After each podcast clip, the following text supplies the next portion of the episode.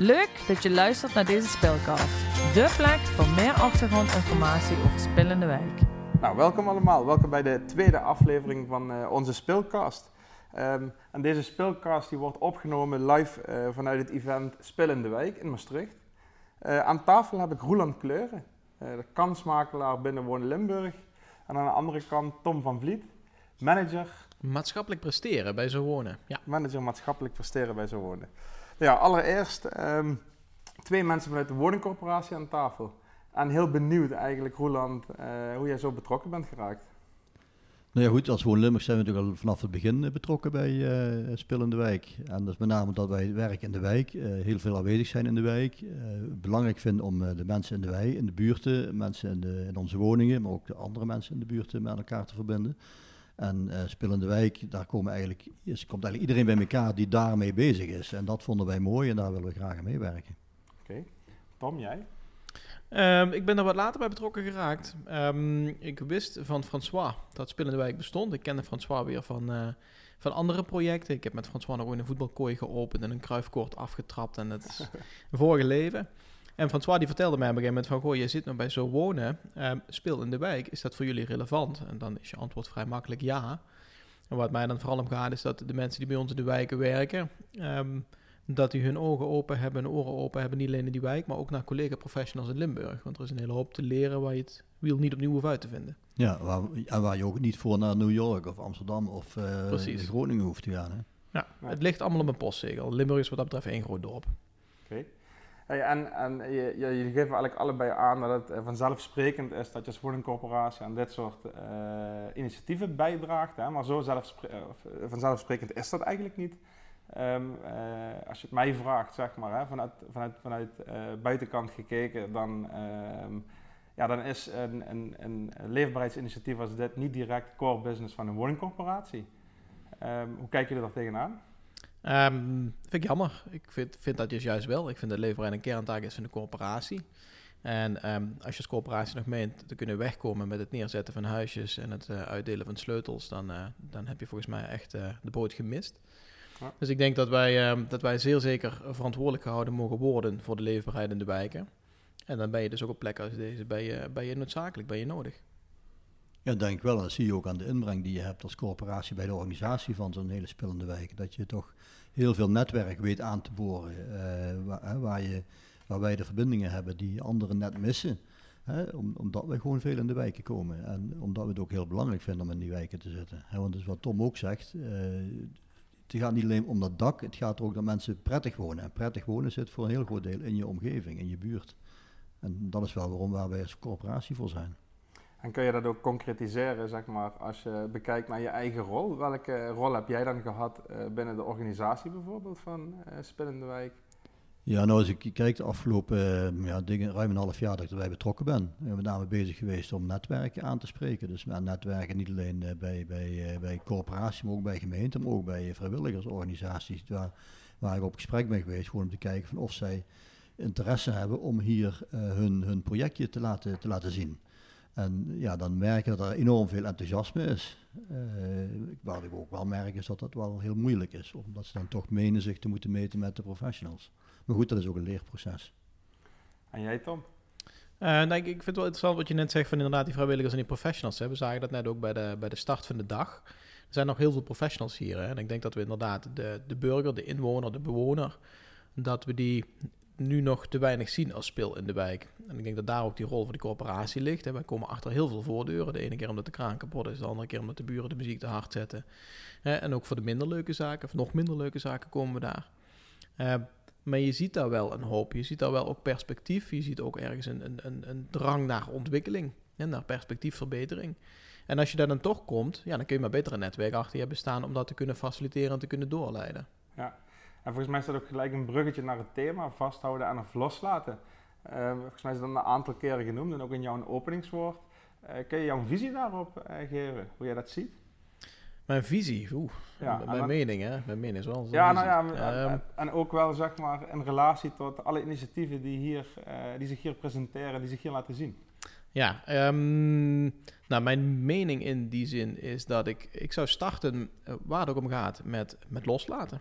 Dus je start als, ik werk voor een corporatie. Eh, eh, ook als je voor een gemeente werkt, ook als je voor een welzijnswerker, eh welzijnsorganisatie werkt, volgens mij start je met loslaten. Je moet een heel goed excuus hebben om in een samenleving te mogen interveneren. Want zo zie ik het. Hè. Als je iets gaat vasthouden, dan doe je dat bewust. Dan doe je dat willens en wetens, omdat het ergens zelf even niet lukt.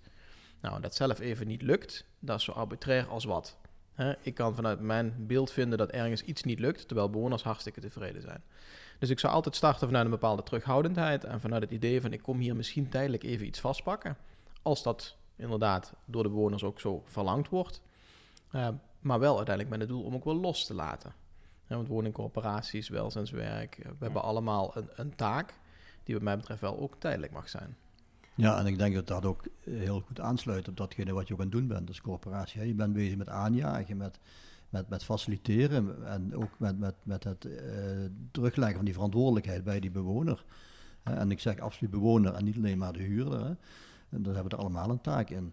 Eh, maar ook vaak terugleggen van de verantwoordelijkheid bij de, bij de instellingen die daarvoor zijn. Hè. En, en dat is ook wel ook nog een hele belangrijke. Maar ik denk vooral de, dat als je het hebt over loslaten vasthouden, gaat het in het kader van Spillende Wijk nu vooral om van hoe kun je die, die bewoner weer veel meer in zijn kracht zetten en die bewoner veel, veel meer in de regie zetten.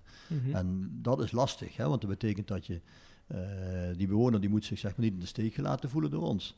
Maar het moet ook niet zijn dat, dat wij als, eh, als- en, en wij moeten natuurlijk durven loslaten en ook het vertrouwen hebben dat het goed gaat met, die, met, die, met, met zo'n initiatief. Ja, als het niet goed gaat, ja, dan gaat het niet goed. Dan, dan, dan is dat ook een signaal. Hè. Ehm, eh, eh, nou ja, wat, wat ik ook nog belangrijk vind om te zeggen bij, als je dat over vasthouden en loslaten, is dat eh, eh, die bewoner ook niet betutteld hoeft te worden. Als je mensen in regie zet, dan eh, moet je ze ook laten gaan, dan moet je ze ook laten doen. En dat is wel een kunst. En, en hoe ziet dat dan uit in de praktijk? Nou, heel moeilijk, want hij is, er zit een hele mooie tegenstrijdigheid in. Hè? Dus waar, waar de instituties des werelds zeggen van nou, wij gaan allemaal loslaten, we gaan terugtreden, we geloven in zelfredzaamheid, de participatiemaatschappij moet voor de grond komen. Dan zie je dat, de, de, ja, zonder het de wereld te trekken, maar de commerciële wereld en het consumentisme, daar zijn diezelfde mensen juist gewend dat ze voor dezelfde euro ieder jaar wel meer kunnen krijgen. Hè? Dus daar zien ze de waarde toenemen en de prijs dalen. En bij ons is dat juist eigenlijk een, een tegendraadse beweging. Hè? Dus bij ons Mhm. ervaren ze ook, als je gaat naar woningcorporaties, mensen ervaren prijsstijgingen. Ehm, en ervaren ook een terugtrekkende beweging. Nou, dus daar heb je volgens mij heel veel missionariswerk, heel veel uitlegwerk te doen. En vooral ook te benadrukken waarom je mensen zelf aan zet wil laten. Waarom je Ja, dingen wil teruggeven. Omdat het uiteindelijk wel ook maatschappelijke, eh, maatschappelijke meerwaarde voor ze oplevert. Ja, en denk je dat dat ook denk je dat dat duidelijk is ook voor al die initiatieven en vrijwilligers en spullen in de wijk? Ehm, nee, ik denk dat er heel veel nog geromantiseerd wordt. Ik denk ook dat er, eh, dat er hele vanzelfsprekende zaken opgehemeld worden als iets van, goh, hey, dat is revolutionair.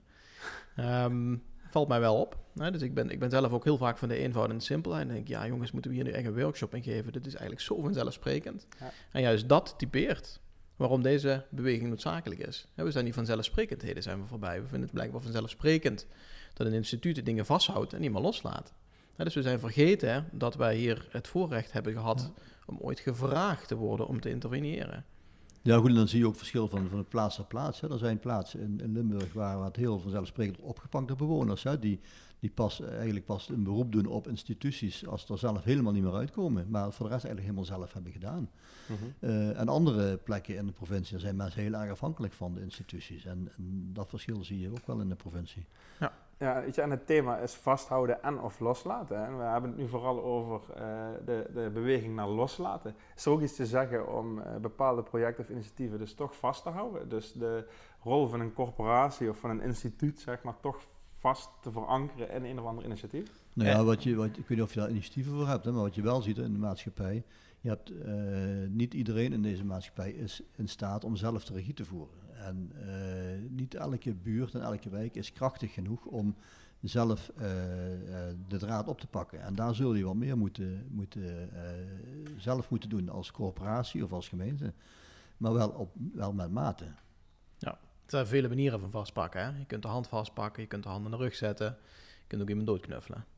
Dus vastpakken met mate, groot voorstander van. En het liefst ook zo klein mogelijk en zo, zo kort mogelijk, om die zelfredzaamheid van de, van de kant af te krijgen. Ja, van de andere kant zie je wel dat er thema's zich aan en dienen zijn waarvan ik denk van nou, die zouden we juist wel moeten vastpakken als corporaties. En dan heb je het vooral over, over veiligheid. Ons werkgebied een, een, een groot probleem, een groot issue. Nou, dat zijn dan van die dingen waar je als corporatie misschien niet primair aan zet bent, maar wel je, waar je wel met je omvang en je kennis, hè, ook van achter die voordeur, toch echt wel dingen mag gaan vastpakken. Ja, nou, ik zie ook wel een thema bij rondom onbe onbegrepen gedrag.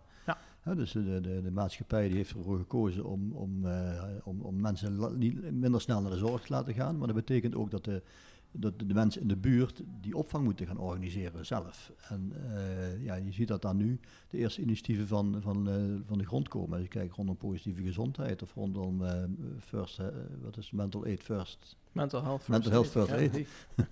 Uh, dat, dat vind ik initiatieven die daar alvast vorm aan geven. Dus dat vind ik wel mooi. Of de inzet van de vaakdeskundigheid bij, uh, bij corporaties en bij, uh, bij, bij zorgorganisaties en bij gemeentes. Dat vind ik een mooie ontwikkeling. Ja. En dan even terug naar vandaag.